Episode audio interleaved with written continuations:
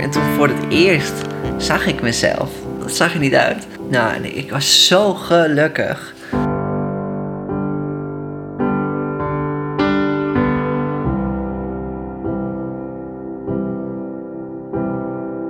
Mannen en vrouwen zijn gelijkwaardig, maar niet gelijk. Regelmatig hoor je over mensen die vinden dat hun lichamelijke geslacht en hun geestelijke geslacht niet bij elkaar horen. Recent nog veranderde de Belgische journalist Boudewijn van Speelbeek in Bo van Speelbeek. Simpel gezegd zijn deze mensen in het verkeerde lichaam geboren. De wetenschappelijke benaming is genderdysforie. Daar kun je iets aan doen. De een kiest daar wel voor, de ander niet. Manon Barendsen uit Sneek heeft daar wel voor gekozen. Maar niet zonder slag of stoot. Ze werd geboren als Mark Barendsen.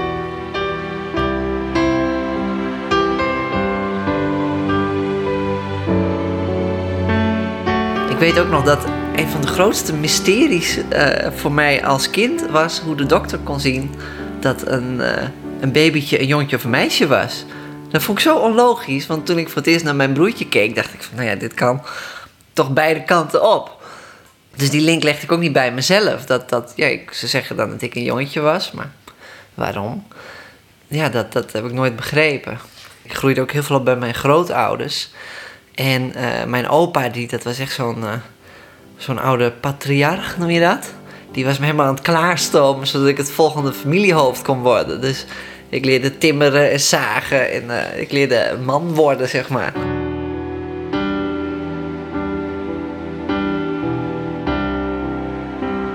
Op een gegeven moment toen kreeg ik van mijn moeder een boek. En dat boek dat heette Seks en Zo. En dat was helemaal getekend. En dat was dan blijkbaar mijn seksuele voorlichting. Ze zei, daar moet je maar eens in lezen. En toen uh, ik daarin lezen. En uh, daar werd van alles uitgelegd natuurlijk. En op een gegeven moment kwam het bij het hoofdstuk masturberen. En eerst stond er een meisje.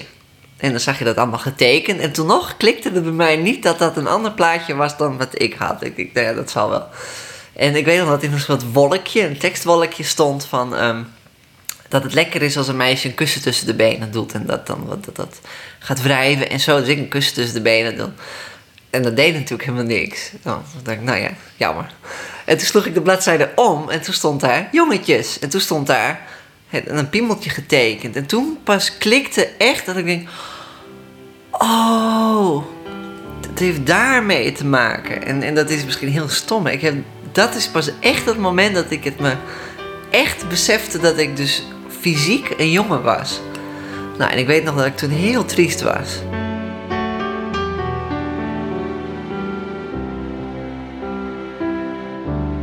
Nou, en toen op mijn zestiende, toen in de zomer van toen ik 16 was, toen kreeg ik mijn eerste vriendinnetje, een vakantieliefde. En uh, ik daarna ook voor het eerst dan seks gehad. En toen dacht ik, dit klopt echt niet. Toen ik die fysieke daad aan het verrichten was, nee, dat, dat, was, dat, was helemaal mis.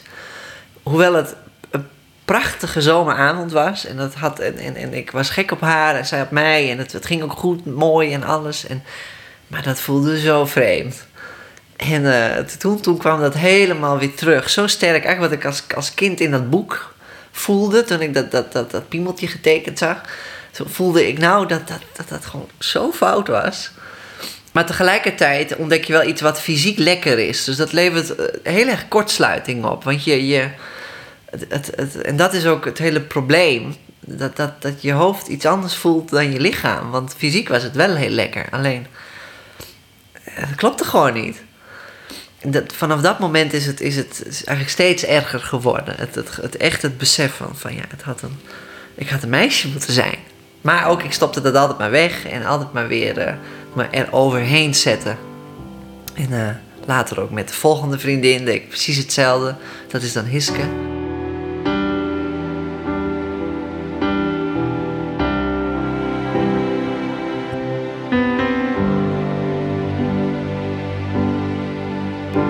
Hiske en ik gingen op een gegeven moment uit elkaar in november 2011. En toen kwam een periode toen ik ineens alleen was. En toen dacht ik, goh, misschien kan ik nou iets met mijn identiteit doen. En toen ging ik op een uitwisselingsproject in, uh, met, met het conservatorium. Ik zat inmiddels in het derde jaar. En daar ontmoette ik Zanna. En dat was een eh, Russisch meisje uit Estland. En daarmee heb ik uh, een, een relatie gehad uiteindelijk die, die, nou, die zes jaar mocht duren.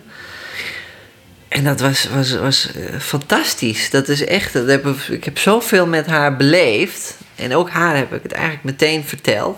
Van ja, ik had een meisje moeten zijn. En toen ook zij zei van, oh, oh oké. Nee, we zien wel wat dat wordt. Want op dat moment ook was ik nog steeds gewoon heel mannelijk.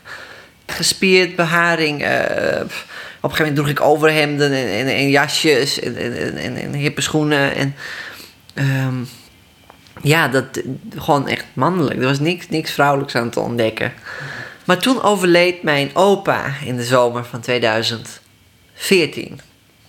Ik, ik, toen knapte er iets. Ik, ik, ik weet nog dat ik daar in, in de, uh, bij de kist stond en naar opa zat te kijken en dacht van... Uh, goh, die heeft nooit mij gekend. Die heeft nooit mijn, mijn...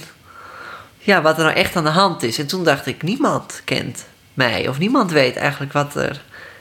Wie ik ben of wat er in mij zit toen vrij rigoureus. Toen, toen, toen in ene ging ik echt voor het eerst eens lezen.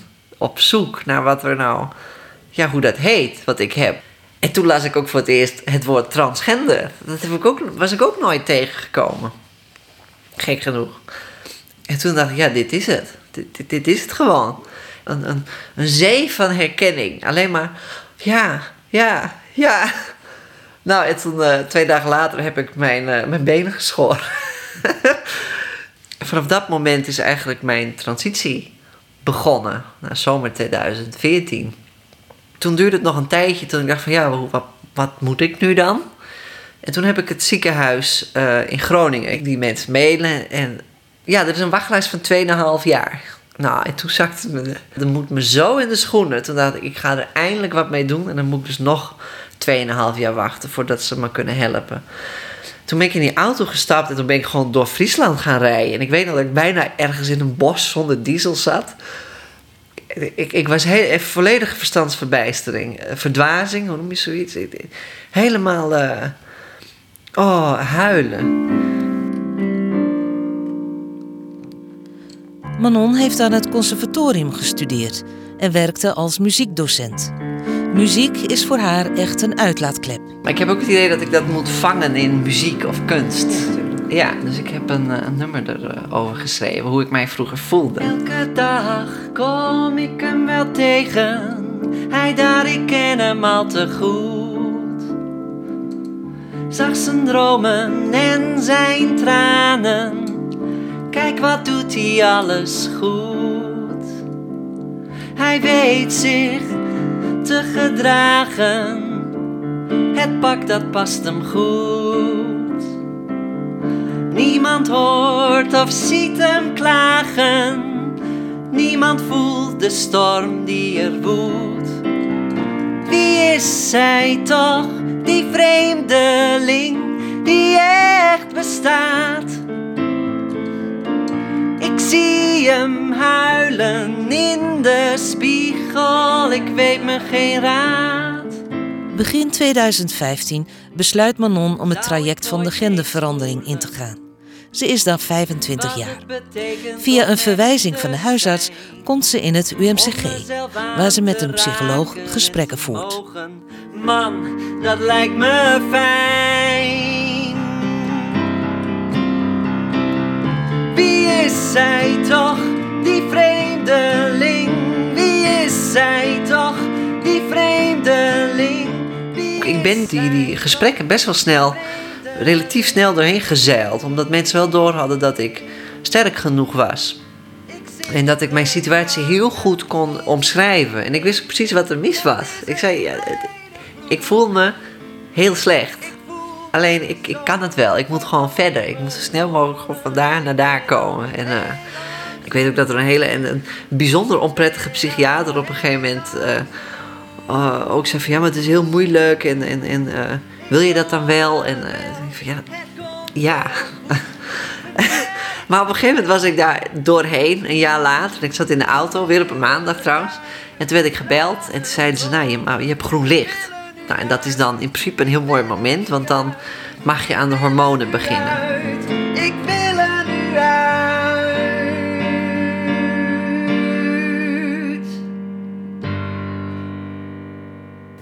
Ik was dolgelukkig toen ik die hormonen eindelijk kreeg. Want dat is dan toch wel echt dat je weet van... Goh, nu gaat er in je lichaam fysiek iets veranderen.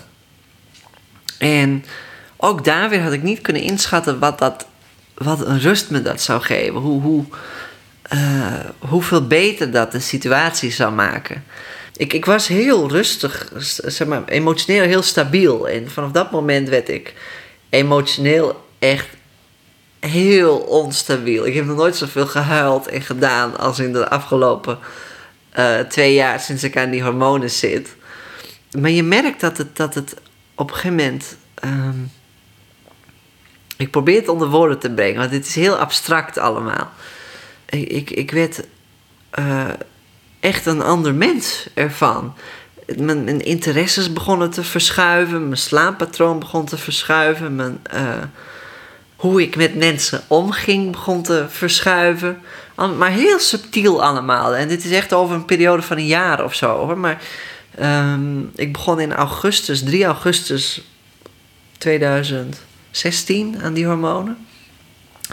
En begin 2017, zo in de, aan het eind van het eerste kwartaal, begin tweede kwartaal, toen in ene had ik het idee dat, dat ik er was. Dat die man niet meer in mij zat.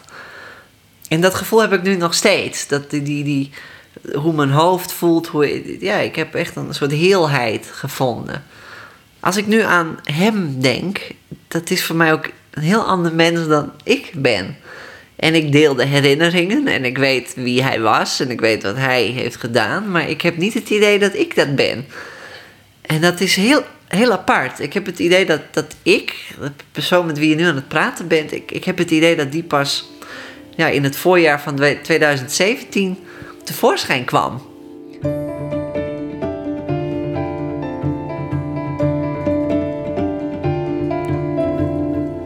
22 september 2017 is de operatie waarbij Manon ook fysiek een vrouw wordt. Op een gegeven moment werd ik teruggerold naar mijn kamer.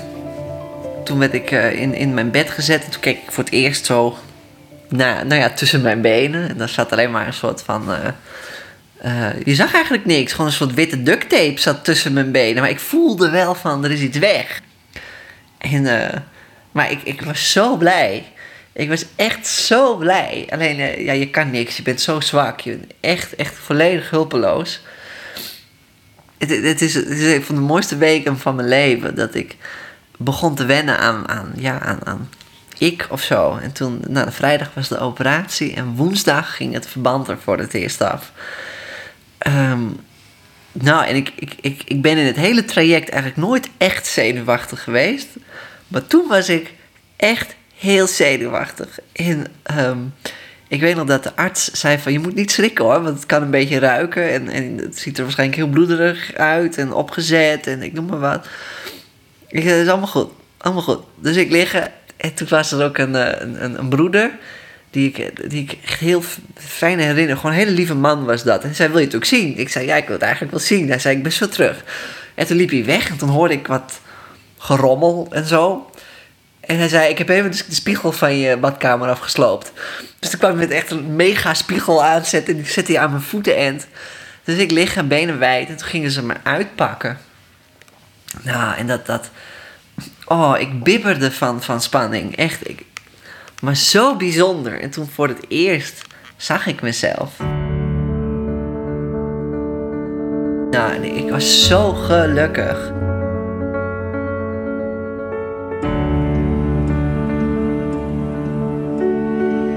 Nou, ik had niet verwacht dat het er zo mooi en natuurlijk uit zou zien.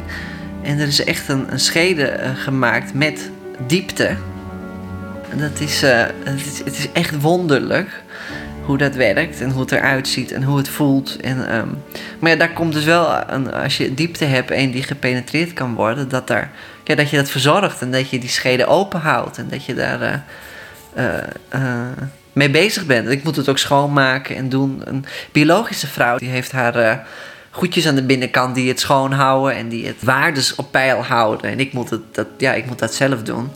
Eerst nu de, het eerste half jaar na de operatie moet ik twee keer per dag die verzorging doen. Het dilateren, het wijd maken. En vanaf dan kan ik langzaam wat afbouwen. Maar ik, ik moet het eigenlijk de rest van mijn leven blijven, uh, blijven doen. Hoewel seks ook geldt als dilateren. ja.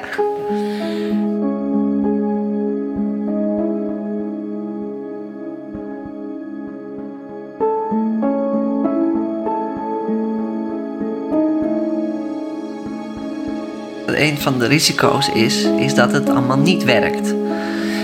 Sowieso was seks voor mij al niet iets bijzonders. Dus dat was niet een heel groot uh, offer.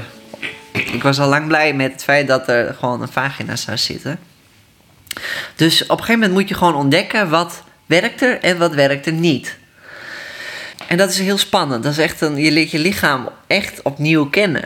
Sowieso met dat dilateren ben je de hele tijd aan het voelen. op een gegeven moment merk je echt dat je je in een, een binnenkant voelt. Dat die zenuwen zich weer aan het, aan het verbinden zijn. En dan voel je van hé, hey, dit begint lekker te voelen. Niet meer ongemakkelijk, maar lekker.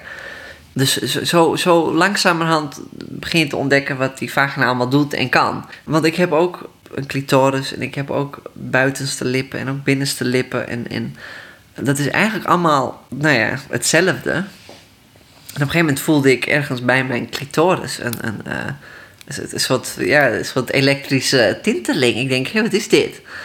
Nou, ik daar uh, gehoor aan geven. En dat voelde ineens heel lekker. Ik, het, was net alsof, alsof, alsof er stroom op stond. Alsof iemand het draadje verbonden had. En kort daarna heb ik mijn eerste orgasme gehad. Nou, dat was natuurlijk fantastisch. Want dan in ene weet je, ik kan een orgasme hebben. En dat was ook een heel fijn orgasme. Ook heel anders dan ik me altijd... dan, dan het was of zo. Dus dat was echt zo, zo nou, dat, kon je een vinkje zetten van, nou, dat werkt. En op een gegeven moment, dat, nu de laatste week, ontdek ik ook dat, dat ik nat wordt. Nou, en dat is ook niet een, een, een dat gebeurt ook bijna nooit. Dat, dat je als je bij opwinding dat je nat wordt. De meeste neovagina's uh, hebben dat niet. Ja, en ik wel. Dus dat is, dat is echt fantastisch.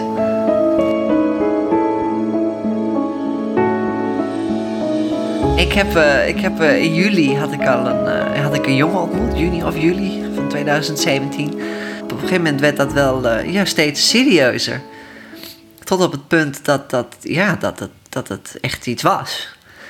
En um, ja, die, die, die seksuele aantrekking die was er ook van beide kanten. En op een gegeven moment had ik het idee van, volgens mij kan het. Volgens mij kan ik uh, seks hebben. En, dat, en, en toen uh, gebeurde het ook. En gelukkig was hij ook heel...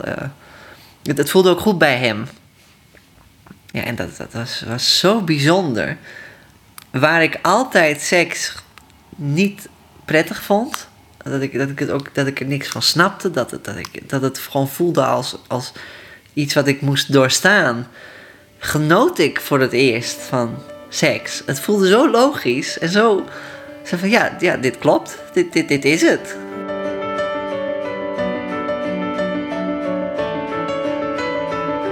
Een ander groot verschil tussen mannen en vrouwen is de stem. Manon heeft intussen een vrouwenstem. Ik heb nu een stem waar ik heel erg blij mee ben. En die ook klopt voor mezelf. En, want er zit heel veel identiteit aan een, aan een stem. Alleen een jaar geleden, toen klonk ik nog niet zo. Ehm, want die hormonen, die doen helemaal niks. Andersom doet het wel iets. Als je van vrouw naar man gaat, dan krijg je de baard in de keel. Alleen van man naar vrouw um, gebeurt er verder niks. Die, die baard zit al in de keel en die kun je er niet meer uithalen. Dat moet je helemaal zelf uh, doen. Nou, er zijn twee manieren voor. Eén is een operatie, maar die is heel rigoureus. Dan knippen ze je stembanden door en uh, naaien ze dat weer aan elkaar vast. En, zodat je stem dan hoger wordt.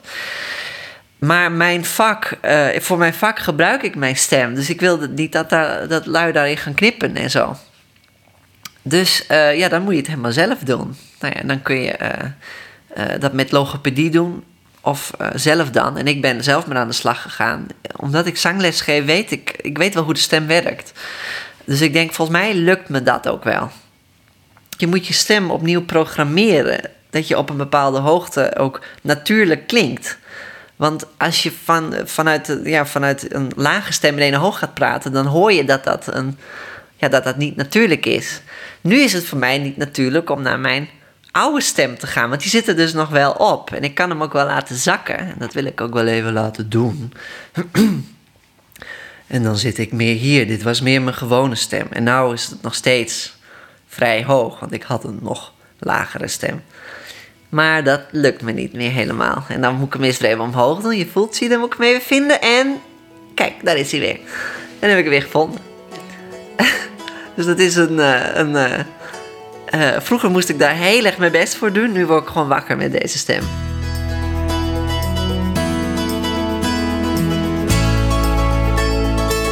Sowieso was ik na de operatie een beetje, een beetje bang voor de toekomst.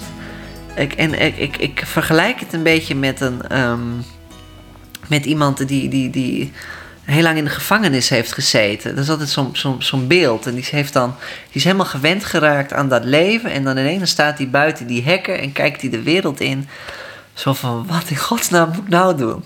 En dat gevoel heb ik een beetje. Ik, ik, ik, ik heb geen idee. Ik, ik ben hier jaren mee bezig geweest met dit punt bereiken. Met, met vrouw worden. En nou is het zover. En nou voel ik me ook zover. En, en ik, weet het eigenlijk niet. En ik vind het, ik vind het echt heel spannend.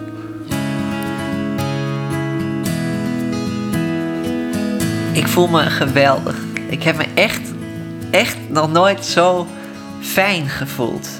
Ik, ik, ik, voorheen dacht ik altijd van, goh, dat lijkt me wat, ja, gelukkig zijn. Dat, dat was een heel abstract concept. En um, ik, ik, ik voel me nu zo heel en zo, uh, zo goed met mezelf. Ik heb niet meer die spanning van een lichaam dat niet klopt. En, en, en, en het is alleen maar blijdschap. En nog steeds dat ik, dat ik regelmatig gewoon echt in janken uitbarst van, van pure, uh, van pure euforie. Dat ik gewoon, dat, ja, het voelt zo fijn om mezelf te zijn.